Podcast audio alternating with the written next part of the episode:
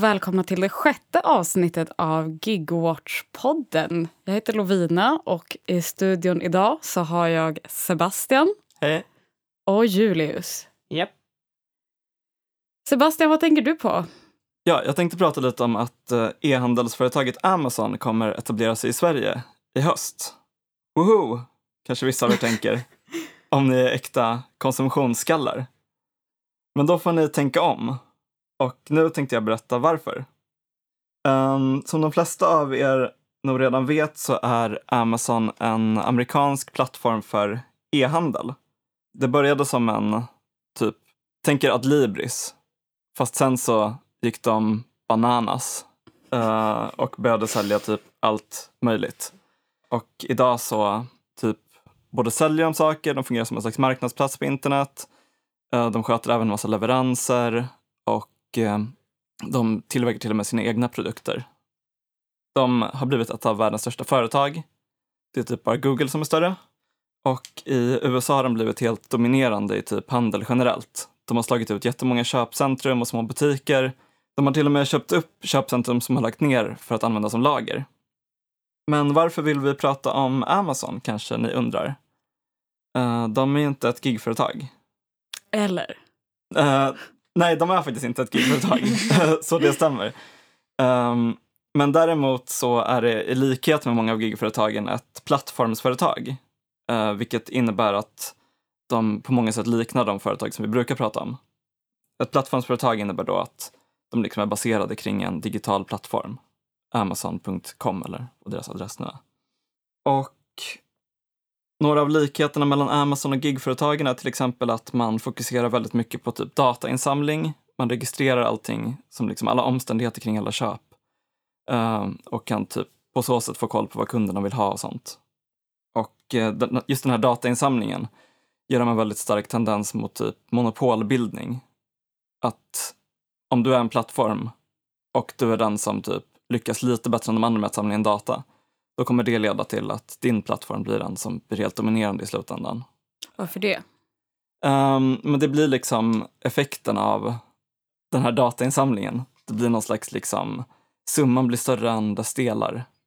Och på så sätt så blir det liksom så. Alltså ju, typ, ju mer data du ackumulerar desto snabbare kan du växa på bekostnad av dina konkurrenter. Mm. Um, så det är därför typ delvis som, alltså vid sidan av typ stora investeringar som appar som Uber och sånt har blivit så himla dominerande i taxibranschen. Eh, jag vill fokusera lite mer på vad som händer på golvet på Amazon. Eh, där det också finns en hel del likheter med gigföretag.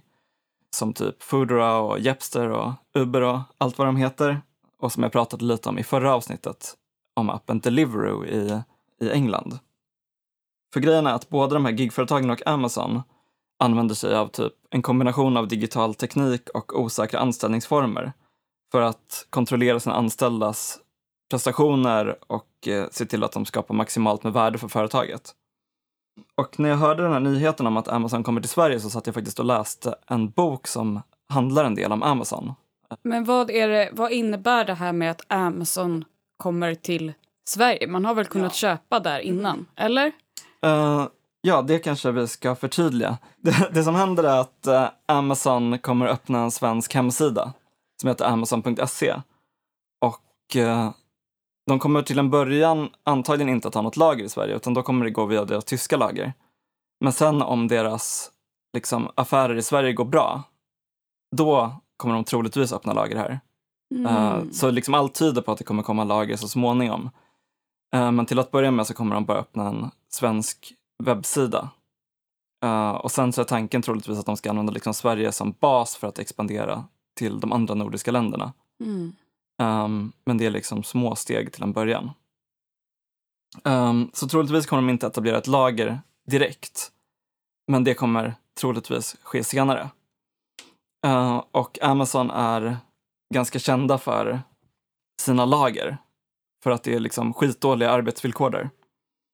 Man har hört olika historier om till exempel anställda som inte kan ta en paus så de måste typ pissa i en plastflaska för att de inte kan gå på toaletten. Um, och liksom den här tekniken som Amazon använder sig av är en del i hur de kan ha så bra koll på till exempel hur långa eh, pauser anställda tar och sånt. Så jag, eh, när jag hörde den här nyheten om att Amazon kommer till Sverige så satt jag faktiskt och läste en bok eh, som är publicerad i år, som delvis handlar om Amazon. Som heter Kapitalets automatik och är skriven av Mikael Nyberg, en journalist och författare. Eh, och han har då innan det här om Amazon i Sverige annonsades eh, varit i Tyskland och intervjuat anställda på Amazons lager där. Där har de haft lager sedan typ 2006 eller 2008 eller något sånt. Så de har funnits ganska länge där. Uh, och ja, det är inte en jättekul bild kanske man får av företaget från de här intervjuerna. De första två åren som man jobbar på lagret som är man visstidsanställd. Och om man typ inte sköter sig så bra så får man kicken. Då missar man sin chans till liksom en permanent anställning. Uh, och det är typ en tredjedel av arbetsstyrkan är konstant folk som då är visstidsanställda. Uh, så på så sätt så ser de till att typ folk är väldigt effektiva, inte typ chillar för mycket på jobbet. Hur vet de då ifall man tar det lugnt på jobbet? Jo, alla som jobbar på Amazons lager har en typ handskanner som de använder för att typ skanna av varor som de plockar från hyllorna. Men den här handskannen har också typ annan teknik i sig. Handskannen gör att typ cheferna på lagret, de kan kolla exakt vart du har varit, hur snabbt du har rört dig, när du har tagit pauser. Eh, det finns liksom någon slags sensor i den som kan känna av vart du är i, på arbetsplatsen. Alltså, så det är liksom som en digital fotboja? Ja, men verkligen. Ja. Det är lite som, eh, det finns en fransk kille som ni kanske känner till som heter Michel Foucault.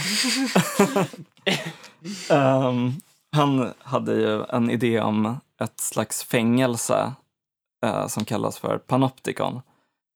Fångarna vet att de när som helst kan vara övervakade. De vet aldrig att de är övervakade i stunden. Men de vet att liksom potentialen för att de kan vara övervakade finns där hela tiden. Därför ser man till att skötas hela tiden.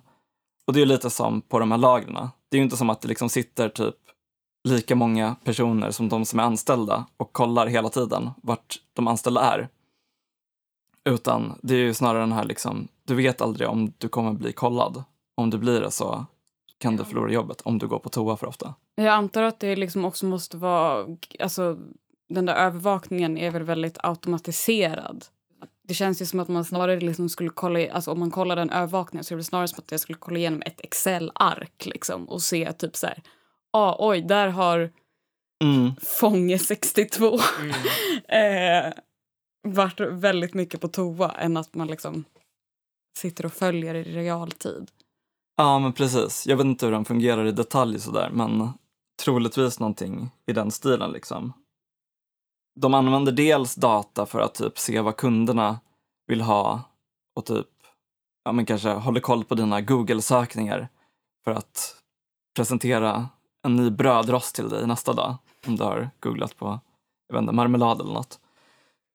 Och de kombinerar det också med den här liksom användningen av data för att övervaka sin personal och typ maximera det liksom värde som de kan prestera. Allt det här låter ju, tycker vi här, gissar jag, ganska dåligt. Ja, jättedåligt. Så varför är folk då så glada för att Amazon kommer hit? För det är folk. Um, båda, Vem är det? ja men jag såg typ folk på Twitter som bara så här, åh äntligen Amazon, jag har väntat i åratal på att de ska komma hit. Och bara, de har kundservice i världsklass. Även typ, jag lyssnade på Radio åt alla, det är en podd som görs av Allt åt alla i Malmö. De snackade också om Amazon i sitt senaste avsnitt. Eh, de pratade mycket om att typ politiker väldigt gärna vill ha Amazon till typ sina städer. Eh, till den grad att de typ ger dem gratis mark och sånt. Eh, för att man gillar att det kommer in liksom företag som kan erbjuda sådana här jobb som är ganska liksom... Alltså du behöver ingen speciell utbildning eller någonting för att kunna jobba på Amazons lager. Så det är ett väldigt bra sätt att typ täcka upp så här, arbetslöshetsstatistiken. Mm. Eh, nu plötsligt så har 5 000 personer i den här lilla orten jobb på Amazon och vi har lägst arbetslöshet i Sverige. Ehm, folk är tyvärr, eller vissa är tyvärr glada över att Amazon kommer hit. Ehm, och ehm, det tycker jag är lite deppigt. Ja, nej, men jag såg att eh, Julia Lindblom skrev i Arbetaren om Amazon också. Mm. Och då så skrev hon just det där med att typ så kommuner liksom håller på och så här, budar över eller snarare under varandra för att så här, de verkligen vill ha Exakt. Amazon dit. Jag tycker det känns, alltså, alltså om man verkligen älskar marknaden och typ så här, näringsfrihet och jada jada så är det väl, då är det ju inte, det är inte marknadsmässigt att typ så här kommuner typ bara, ah, här Amazon, ta all vår mark gratis liksom. Nej, men verkligen. men ofta med folk som älskar marknaden så är det ju inte så egentligen. Eller den här, liksom, den här ide idealistiska fria marknaden existerar ju för det första bara typ i liberala fantasier. Mm. och för det andra så, typ det folk egentligen gillar är väl att det kommer företag som har skitbra kundservice så att folk kan sitta och Mm. näthandla hemifrån. Men det är väl mycket här, pry, folk som identifierar sig själva som prylnördar typ. Som bara så, Mm. ah, jag, gillar, jag gillar prylar i allmänhet. Ja, nu har jag köpt, eh, köpt en kökspryl för, det, det känns som att det är sådana som verkligen älskar Amazon för att det jag vet inte, Mm. de, de har inget bättre för sig och bara så, ah, nu kan jag beställa senaste säsongen av eh, Walking Dead på Blu-ray till min eh, Blu-ray-spelare supersnabbt. Mm. Eh, Nej, men de har ju tjänat skitmycket på coronapandemin också som många andra liksom hemleveransföretag. Så de har mycket pengar att Men vad är det som man liksom expansion. kanske liksom konkret är rädd för alltså, ska hända med Sverige? Är det liksom att de typ öppnar sina lager och så? Eller liksom alla typ lager i Sverige är väl redan typ så här det är jättestor andel bemanningsanställda och visstids och liksom bla bla bla bla bla. Alltså skillnaden som jag förstår är väl typ att Amazon är så mycket bättre på att liksom exploatera sin arbetskraft till bristningsgränsen. Det är liksom lager skitjobb 2.0. Mm. De är ju sån aggressiv, eh, liksom, vad ska man säga, taktik, eller vad man ska säga, i marknaderna de hamnar i. Att de, de kör verkligen på och de, även om det är väl kanske lite så här, ah, glorifiering av småföretag, men de är inte nöjda med sin plätt som de har, utan de ska alltid, Amazon är verkligen definitionen av ett sånt, liksom så här, kanske fånigt begrepp, men imperialistiskt företag. Även om Sverige kan bli imperialiserat, eller vad man ska säga. Eh, men eh, om det går så himla hårt. Eh, att eh, jag skulle inte vara förvånad om eh, de började liksom, eh, om de köpte upp ja, men så här Adlibris och Bokus och liksom Mm. s- slog ut typ, jag vet inte, så här, Ikeas hemleverans och så här, allt sånt och liksom bara, och sen göra deras inställning till liksom hur folk ska jobba och hur folk ska få sina varor till standarden i Sverige. Mm. För att de gör det på ett sånt himla mer effektivt sätt än vad som kanske funnits i Sverige tidigare. Att det är nästan mer som en kulturell hot eller liksom som våg som kan slå Sverige om de börjar liksom ta massa utrymme. Mm. Nej, men dessutom att de liksom konkurrerar ut företag eller typ butiker i den fysiska verkligheten. Så att typ, alltså det kanske inte är skitkul att jobba i butik nu, men eh, alternativet kanske blir att butikerna slås ut och att man istället får börja jobba på något Amazon-lager. Om man spinner vidare på den tanken så kan man se liksom liknande saker i typ företag som Foodora och eh, andra sådana matleveransföretag som typ i vissa delar av världen har börjat experimentera med sådana här molnkök Mm. som är typ att istället för att hämta mat från restauranger så organiserar de egna kök typ på ställen med billig hyra, typ ute i industriområden. Mm. Eh, så att kökspersonalen får börja jobba där istället när de normala restaurangerna slås ut.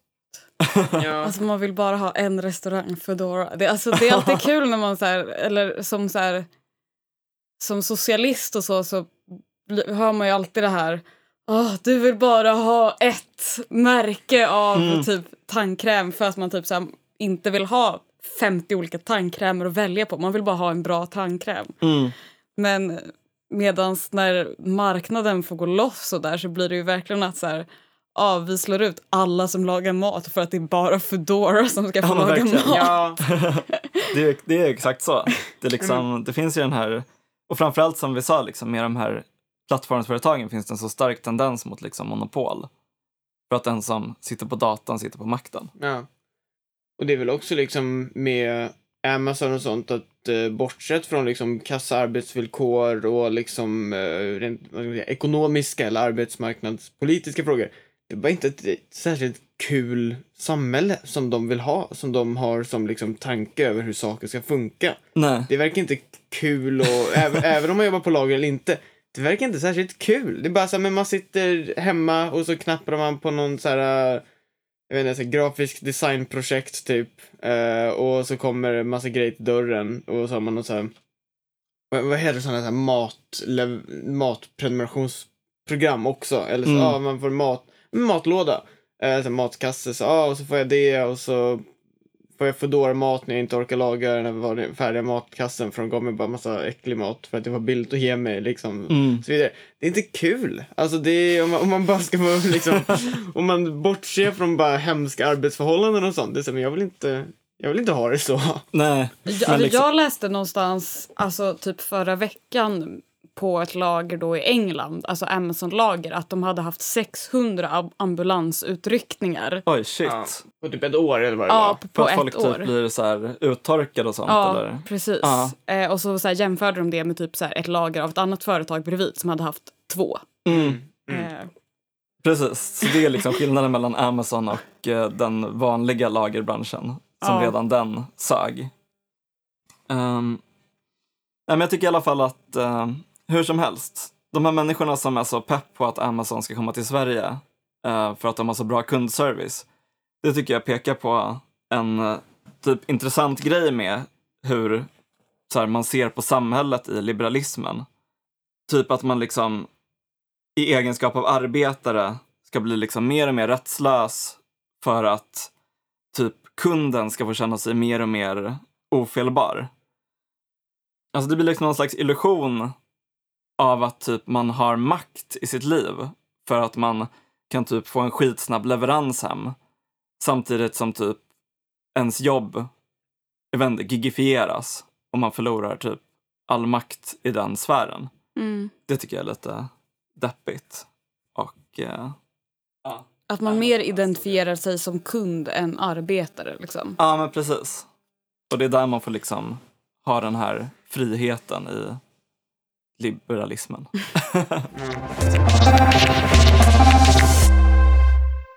Men vad tänker du på Lovina? Jag eh, har tänkt mer på ekonomisk historia. Fast jag ville Wow. inte det. Men jag kunde inte hejda mig. Eh, nej, men jag har börjat tänka på bemanningsföretag. För det pratade jag lite om i senaste avsnittet. Mm. För jag tänkte på just avsaknaden, typ de tio senaste åren, av någon slags debatt eller typ kritik mot bemanningsföretags existens. Utan det känns som att jag, jag känner att det liksom bara har accepterats och att det blivit väldigt tydligt för mig nu när jag har varit jobbsökande att så här, jag bara är inne på en massa galna bemanningsföretags hemsidor och Mm. jag har inte sett någon typ säga förbjud bemanningsföretag. Så jag googlade förbjud bemanningsföretag och tänkte så här, ja men jag ska hitta någon så enkel text eller någonting.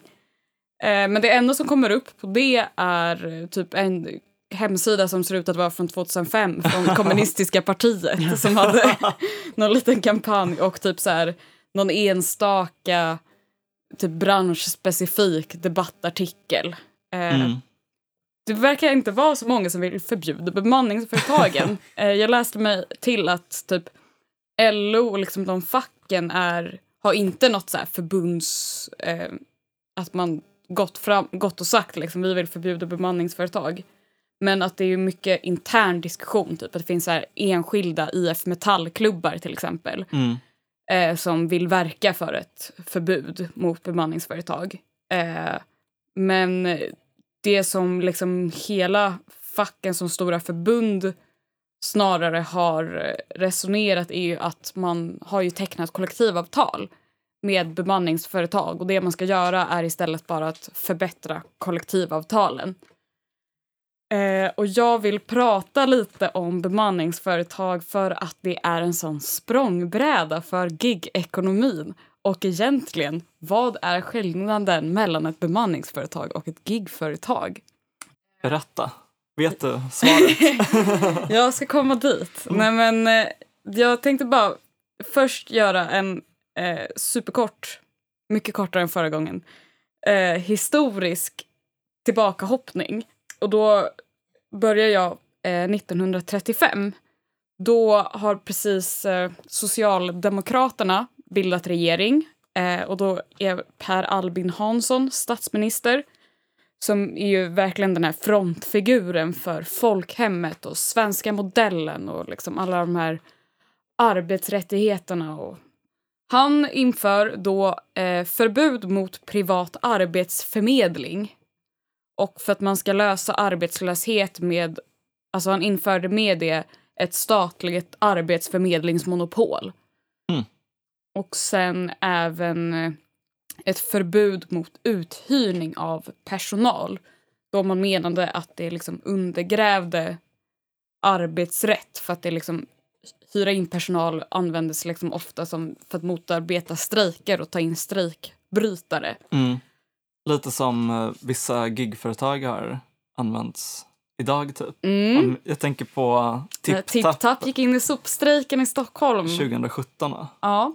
Mm. Interesting, Det interesting. var ju deras stora break Exakt. som strike breakers. Mm. Eh, så redan där har vi skönjt ut lite.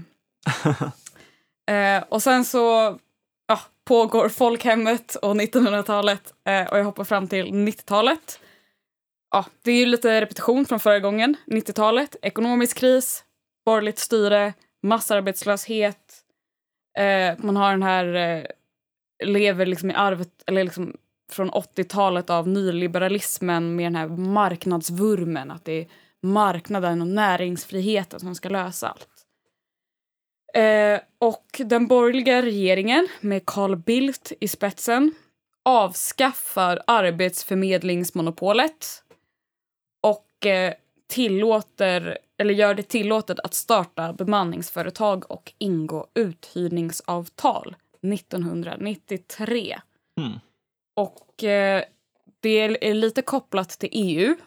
För att det var precis innan man skulle gå med i EU. Eller liksom Sverige var ganska sugna på att gå med i EU.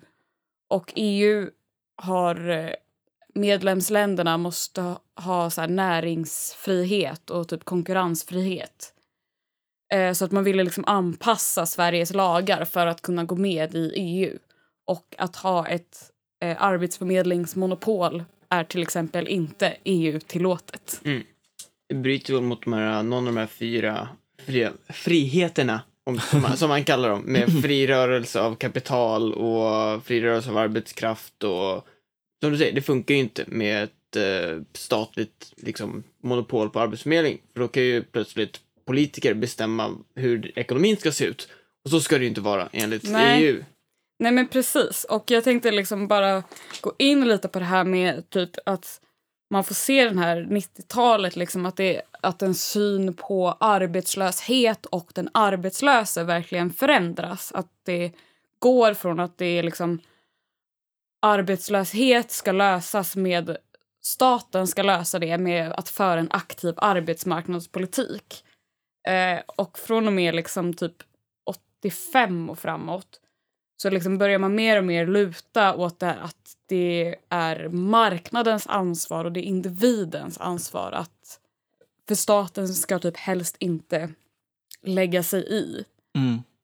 Och eh, lite så här Sverige-specifika, eller för jag, jag var liksom lite inne för att jag tycker bemanningsföretag är en sån himla sjuk grej. Att det är så här bara, varför skulle man ha, vilja ha en mellanhand i ett arbete så att ingen någonsin har en trygg anställning? Hur kunde man tillåta det här? Så att jag liksom försökte typ gräva lite i argumenten för att se, men fan, vad fan.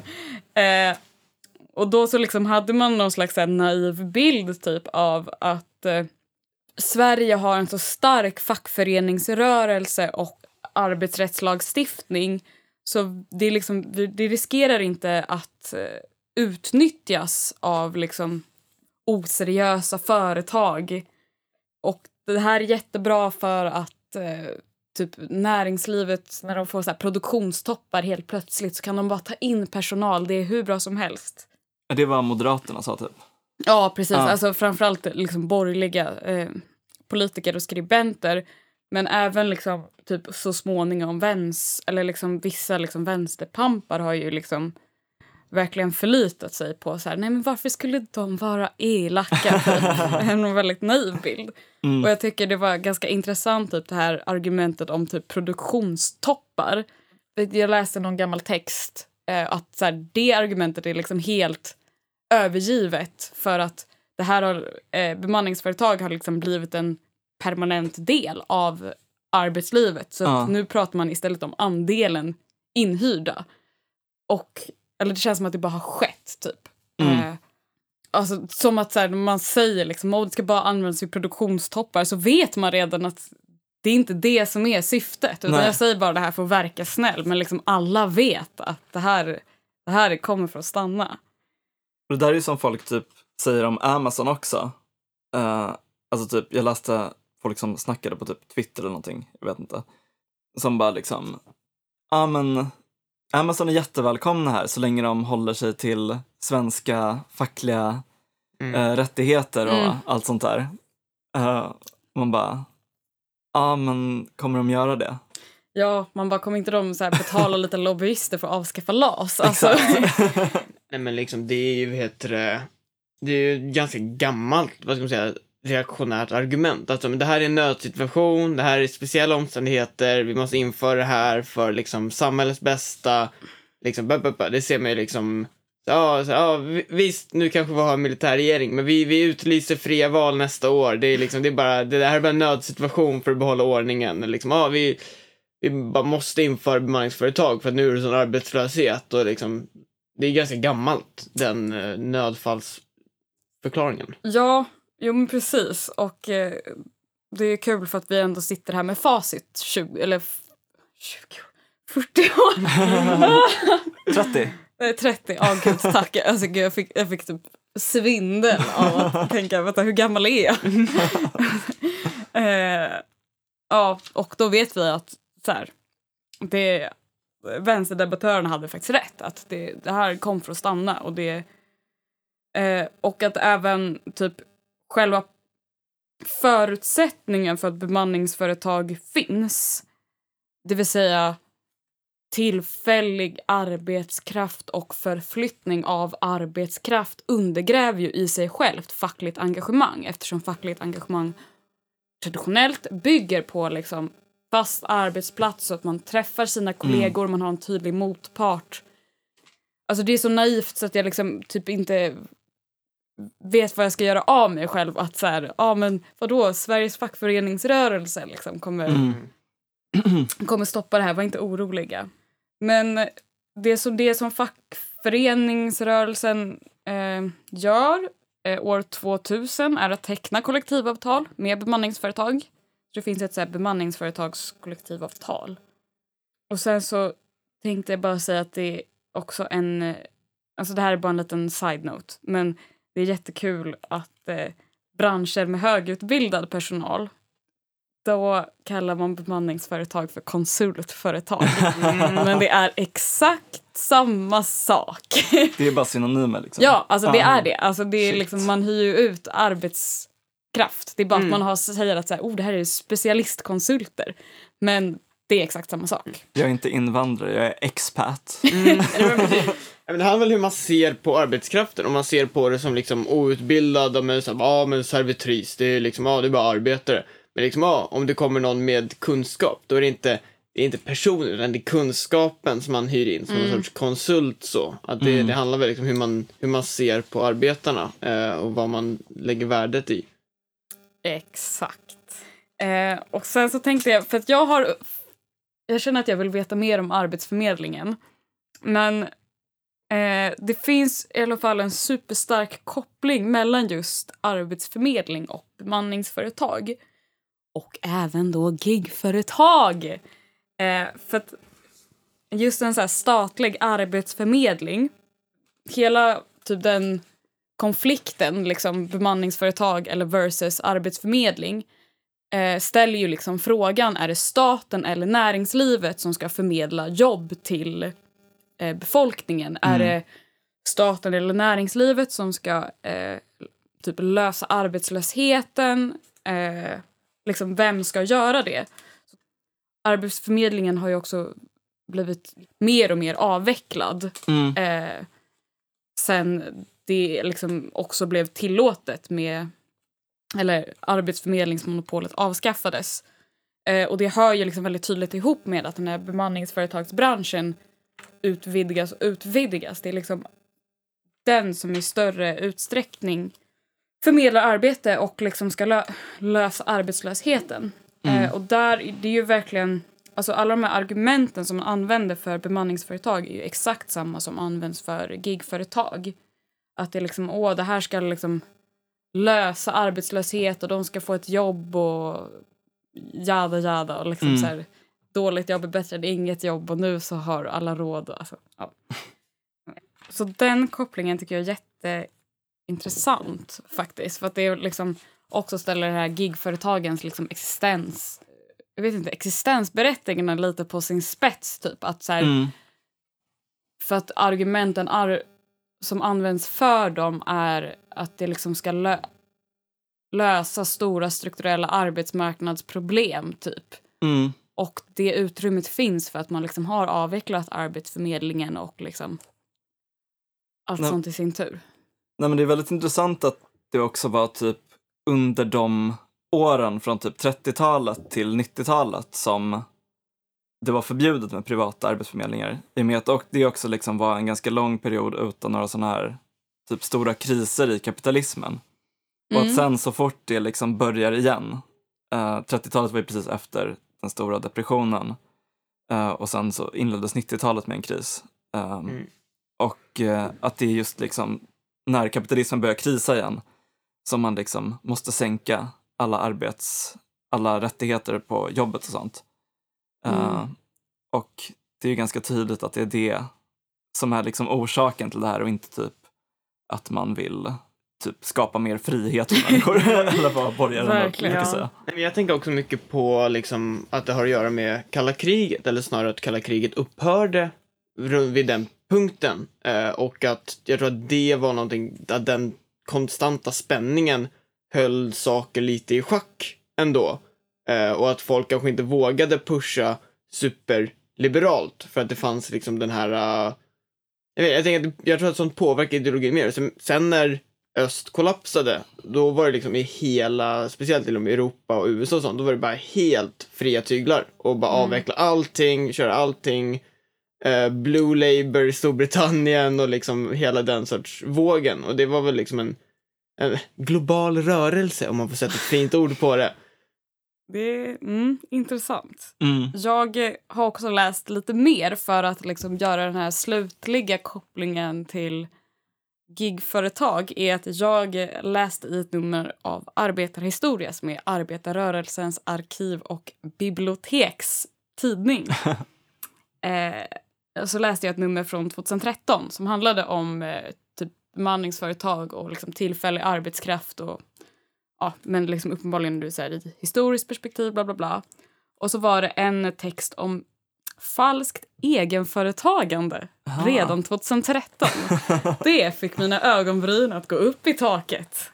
Och då så var det i alla fall eh, en text som eh, pratade att det ofta fanns typ att det förekom inom byggnadsbranschen att eh, man hyr in eh, liksom att den här outsourcingen och liksom leden av eh, underentreprenörer liksom öppnar för att liksom den sista biten i kedjan eh, lika gärna kan typ få verka för egenföretagare fastän den egentligen typ uppenbarligen jobbar för ett företag på det här bygget. Eh, och så tog texten upp ett exempel från 2005 eh, som också var då i byggnadsbranschen.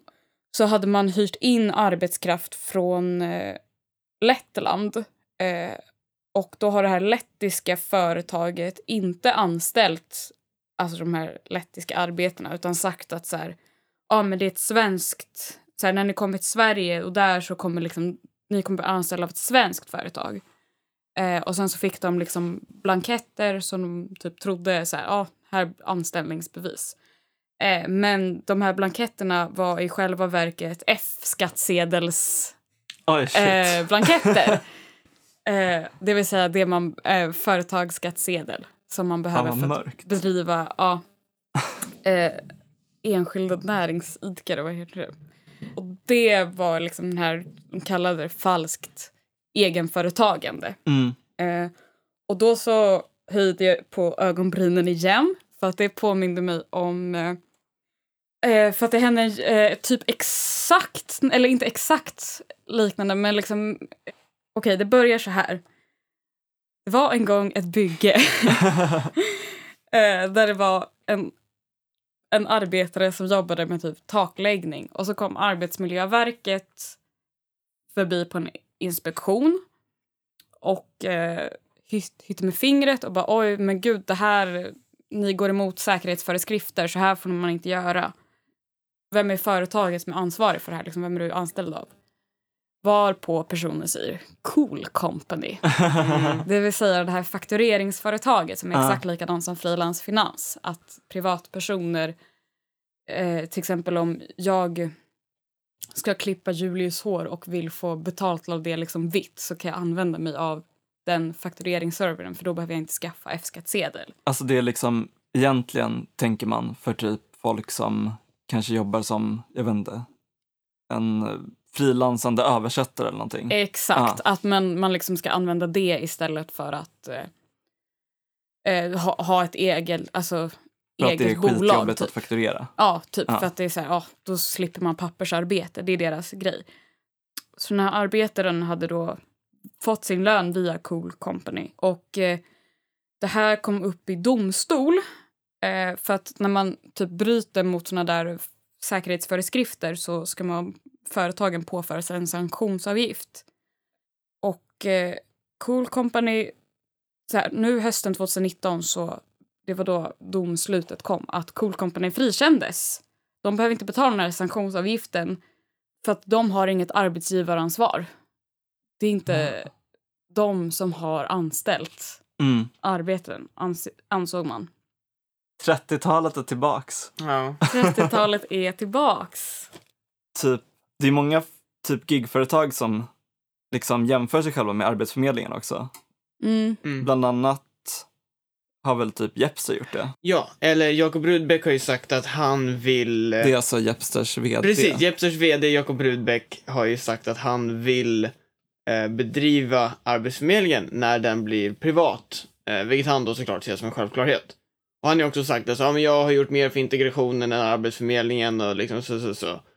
Eh, och det verkar väl vara liksom responsen från hela gig, liksom näringslivet, att när det blir mothugg från de kanske lite mer liksom gamla institutionerna med liksom Arbetsmiljöverket och Arbetsförmedlingen och så vidare. Att bara så, okej, ja, ja, men fine, jag kan göra ditt jobb bättre än dig. Nu, nu, nu liksom kommer Moderaterna pusha på att eh, privatisera allt det där, så kommer jag köpa upp det där med mina liksom amerikanska investerarpengar. Eh, och så får vi se hur det går då. De vill inte ha vad man säger, liksom en, en ärlig duell, utan de, de eh, i gammalt stuk bara absorberar, absorberar. Eh, eller det är vad de vill i alla fall. Sen får vi se vad som händer. Mm. Eh, men jag tänker att mycket av det pratar om handlar ju också mycket om vad jag tänkte prata om. Ja. Ja. Julius, vad har du på hjärtat att prata om? Ja, tack för att du frågar. jag tänkte prata lite om att Arbetsmiljöverket har gått ut med att de ska granska gigföretag nu i Sverige och hur det, hur det går till. Eh, de ska granska 25 företag, varpå alla är, inte alla, men eh, alla, alla som man känner till är med på listan. Jepster, Uber, Foodora, TipTap och så vidare. Och det här har ju då mötts med eh, varierande reaktioner. Och de flesta, skulle jag väl säga vad jag har sett, är väl relativt positiva. Att en granskning är bara en granskning. Att eh, Foodoras, eh, jag tror inte det var vd, jag tror att det var någon typ av PR-person från Foodora. sa Så här, men vi, vi välkomnar det här beslutet och vi, det är klart vi vill att alla som, alla som jobbar för oss ska ha det bra och liksom upp, upp, upp, upp, upp. Men inte, inte sagt någonting om att arbetsformen kanske kommer behöva ändras, utan det, eh, det tar man när man kommer dit. Eh, men jag tyckte det var väldigt intressant med eh, Jakob Rudbecks respons. Jag fastnade för den. Eh, så jag tänker nästan citera den rakt av. Eller han säger det till sajten Breakit, eh, som sen Svenska Dagbladet citerar. Så Jakob Rudbeck säger följande. Ska vi ha en chans att bevara den svenska modellen så måste både myndigheter, regelverk och företag anpassa sig efter nya realiteten, säger Jakob Rudbeck. Eh, och att han hävdar då att det skulle göra dem omöjligt att bedriva sin verksamhet om de behöver ta ett formellt arbetsgivaransvar för alla ungdomar och barn som jobbar via appen. Så jag fastnar väldigt mycket för det känns som det finns väldigt mycket att peta i, i det citatet. Eh, och jag vill nästan börja med att bevara den svenska modellen.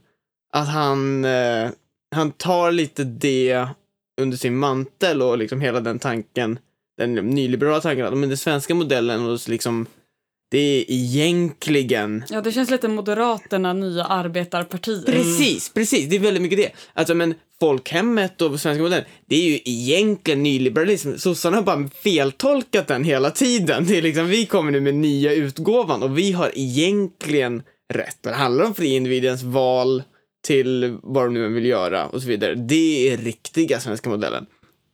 Så att, Jakob Rubin säger då för att om vi ska bevara svenska modellen så är det då staten och regelverk som måste anpassa sig efter den nya realiteten. Att det inte är så att den svenska modellen är förankrad i de här institutionerna och regelverken. Den svenska modellen är bara nu, numera en vag beskrivning, bara om en typ arbetsmarknaden, oavsett hur den ser ut. Så oavsett, oavsett hur arbetsmarknaden ser ut så är det den svenska modellen, för det är modellen i Sverige. Det, är- det, är, det är en väldigt bra eh, liksom formulering. Eh, och att då är det liksom, nej men det är ni som ska backa från Jepster för att vi ska kunna liksom bevara som det funkar nu. Även om man skulle kunna, jag skulle kanske argumentera för att som det ser ut nu är inte den svenska modellen om man talar traditionellt sett liksom hur den utformades som du säger 1935 med Per Albin Hansson och så vidare. Vilket är kanske det näst mest fascinerande med citatet är ju att de ska anpassa sig efter den nya realiteten. Att det här, det bara är så. Det här är liksom, det är naturkraft. Att det är sådana här företag, de måste uppstå för att de kan uppstå. Och de måste ha de här arbetsförhållandena, för det är bara modernt. Det är bara liksom så som Urkraften i bemanningsföretagen Ja, som ja. reser sig ur jorden. Nej men precis, det är lite den liksom eh, som eh, såhär, Sonderweg-argumentet att nej, men det här skulle alltid hänt förr eller senare. Det här är bara liksom, eh, det är bara så det är, det är bara realiteten. Att, eh, ja men det är otroligt nyliberala och bara liberala i allmänhet tänket. Alltså men företag, alltså, varför ska staten göra någonting? Nu blandar ni er i arbetsmarknaden om ni kommer att säga åt oss vad vi ska göra. Även om ni är regeringen och är liksom den demokratiskt valda liksom, bu- bu- bu- så nej, det är ni som blandar i våra affärer. Det är vi i näringslivet och vi i företagen som är den svenska modellen och det vi gör, det gäller. Eh, så vi är realiteten och ni blandar i. Det är inte vi som Mm. blandar oss i, Mm. i eran realitet. Eh, att det är en väldigt intressant formulering som väldigt många verkar, verkar gå på och se som sant. Att, ja, men, hur, hur kan vi göra den här politiska reformen? Nu är det ju så här. Att det är inte så att det är inte företagen som har trängt sig in och armbågat sig in och rivit upp en massa grejer. Utan det, det bara är så. Men för, när de, den sorts statliga sidan slår tillbaka, då blandar man sig plötsligt i. Mm. Ja, jag tycker det var väldigt intressant av Jakob Rudbeck. Och, eh, Så jag kollade lite mer i den här eh, utredningen då, som Arbetsmiljöverket ska göra, som ska vara klar vintern 2021. Så det är lite cliffhanger på den. Oh. Men man kan, eh, man kan fuska lite och kolla på vad tidiga utredningar om gigekonomi i Sverige har kommit fram till. För det har varit fler. Det har varit 2018, 2019, 2020. Av Arbetsmiljöverket. Nej, av olika aktörer. Eh, men att det, som, det som kan vara skillnad med den här utredningen är att Arbetsmiljöverket har lite mera myndighet att sätta ett, ett prejudikat eller att sätta liksom någon typ av faktisk bedömning. Att nu tycker Arbetsmiljöverket så här på grund av den här utredningen.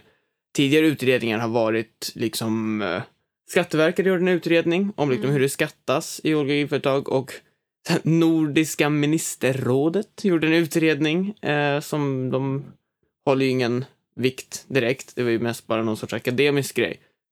Men alla de tidigare utredningarna har ju kommit fram till ungefär samma sak. Att det ökar mer och mer med gigföretag eh, och att det är unga som, alltså inga nyheter, speciellt inte, speciellt inte för oss. Eh, men att eh, jag tycker en grej som jag märkte när jag kollade tillbaka här var ju att alla de här utredningarna i liksom kronologisk ordning säger, och det visar ju en högre och högre, högre procent, högre andel av de som jobbar, jobbar inom gigekonomin eller jobbar tillfälligt. Först så stod det 5 procent någonstans, sen stod det 11 procent någonstans, sen stod det 15 procent någonstans. Och sen någon nyligen så uppskattningsvis runt 20 procent någonstans. Eh, men att i varenda utredning säger liksom att, ja men, ingen fara, det är inte så stort än. Det finns, det finns, ingen, det finns ingenting som antyder att det här skulle kunna slå ut vanliga liksom, arbeten, hur man nu formulerar det. Eh, men trots det så har det liksom ökat med liksom, en marknadsandel med 15 procentenheter, eller vad man säger. Mm. Men att det under hela den här tiden aldrig har tagit ut normala jobb. Utan det är liksom, och, och att arbetslösheten inte följer. Det är inte så att de här 15 procenten bara skapades. När jag såg det så blev jag lite mindre optimistisk med Arbetsmiljöverkets granskning. Att det känns som att de kanske kommer med exakt samma sak. Och säger, ja, nu är vi uppe i 25 procent. Uh, det är ingenting som säger att det här kommer kunna slå ut vanliga företag eller vanliga jobb. Mm. Uh, Ja, de verkar ju också ganska bakbundna eh, juridiskt som i och med typ den här Cool Company-grejen som jag tog upp. Att så här, ja, vi gör en inspektion, ser att så här, här är det egenanställningsföretag som eh, fuskar men ingen är ju ansvarig juridiskt för att så här, det är ju det som är poängen med egenanställningar är ju liksom att så här, alla risk överförs till arbetaren och då så sitter typ Arbetsmiljöverket där och bara hallå, Mm. så här får man inte göra. mm, Och sen är väl risken liksom att det blir som bara det som du sa om bemanningsföretag. Att typ man kritiserar lite till en början och bara, ja men det här kommer ändå inte bli någon stor grej. Och sen så blir det det. Och då blir det bara liksom överfört till någon slags normalitet. Och sen så pratar ingen om det längre. Ja. Nej, men och sen så... Sen så är ju frågan vad som kommer hända för att i, i Skatteverkets analys av gigekonomin, de kom ju fram till att ja, men det, det skattas inte ordentligt i någon av de här. Vilket också var för att det var osäkert hur man skulle hur man skulle skatta. För först har vi ju, om vi säger Jepster till exempel. Vi har en villapappa med en gräsmatta, vi har ett, ett barn och så har vi Jepster. Eh, att först så betalar ju villapappan Jepster och Jepster betalar barnet. Ska, tar man skatt på båda de transaktionerna? Eller, för att Jepster anser ju att de är en plattform. Men betalningen går ju inte från villapappan till barnet. Så att Skatteverket visste inte riktigt hur de skulle Mm. hur de skulle se de här olika aktörerna. Vem är arbetsgivare? Och det, det här är ju liksom sen gammalt osäkert vem som ska ta vilket ansvar. Vem ansvarar för att det ska skattas, liksom när folk är, när folk är så pass unga eh, och så vidare. Och sen så har ju då Skatteverket också sagt att i och med januariavtalet eh, eh, och nu januariregeringen eller vad man ska kalla den, så har ju de, den regeringen gått ut och sagt att vi vill stötta de här gigföretagen och, de här, och med så kallade hyberavdrag. Vilket är att man ska göra skatteavdrag på tjänster där man, där man hyr och där man liksom lånar, alltså som pass, och de gör ju det under, under en sorts mantel av grön ekonomi. De, de vill ju att det ska vara kanske, för, om man hyr en bil eller något sånt, eller om man hyr en släp, jag har ingen aning. Mm. Men de menar ju att om man hyr så ska man få avdrag, säger januariregeringen.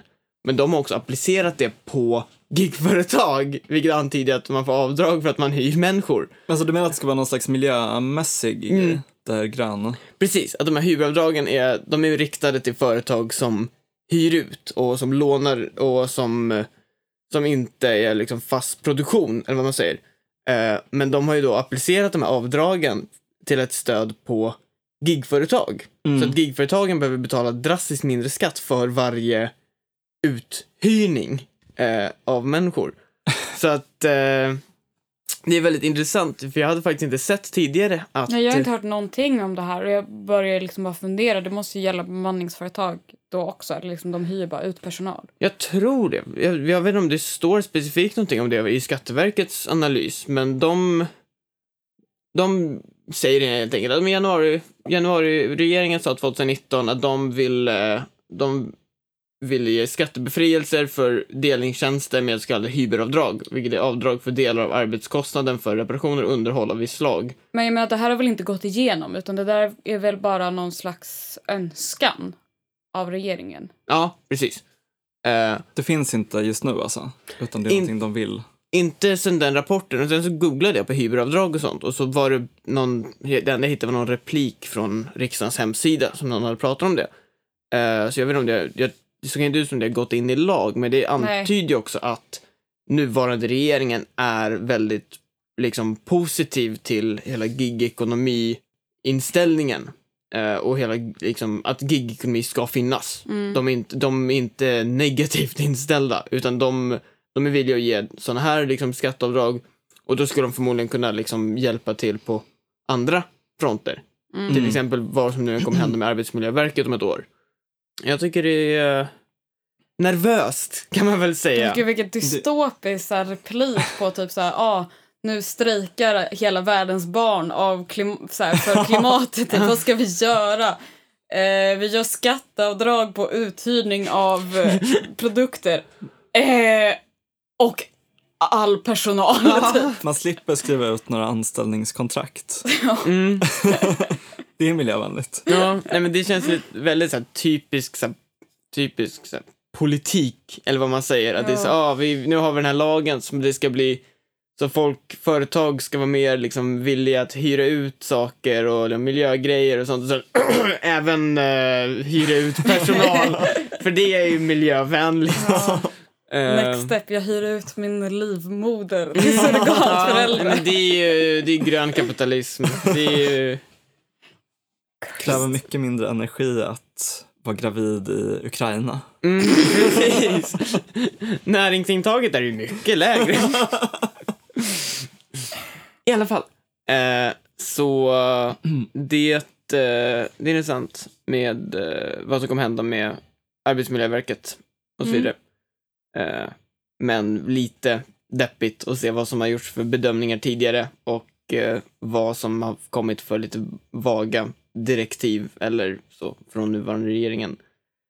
Men eh, ja, gigekonomi-nyheter, positiva eller negativa? Ja, to be continued Ja. med, med utredningen. Spännande. Mm. Eh, ja, men, men det var nog allt vi hade för idag. Eh, så tack för att ni har lyssnat ända hit och glöm inte att ge oss ett bra betyg i din poddapp. Och om ni gillar det vi säger så länka jättegärna till oss på sociala medier eller på andra ställen. Hej då! Yes. Hej då!